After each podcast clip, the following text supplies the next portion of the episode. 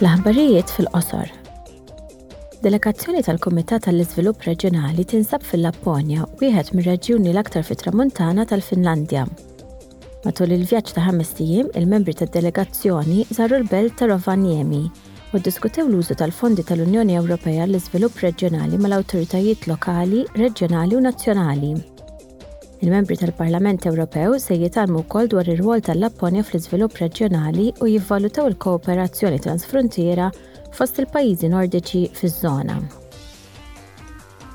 Delegazzjoni tal-Kumitat għall-Iżvilupp illum ittemm iż-żjara tagħha f'Washington DC. L-għan ta' żjara huwa li ssir diskussjoni mal-Istati Uniti kif ukoll mal-Fond Monetarju Internazzjonali, il-Bank Dinji, l-organizzazzjonijiet ta' soċjetà ċivili u t-think tanks dwar il-kriżijiet fl-Afrika Sub-Saharjana u l-pajjiżi li qed jiżviluppaw f'partijiet oħra tad-dinja.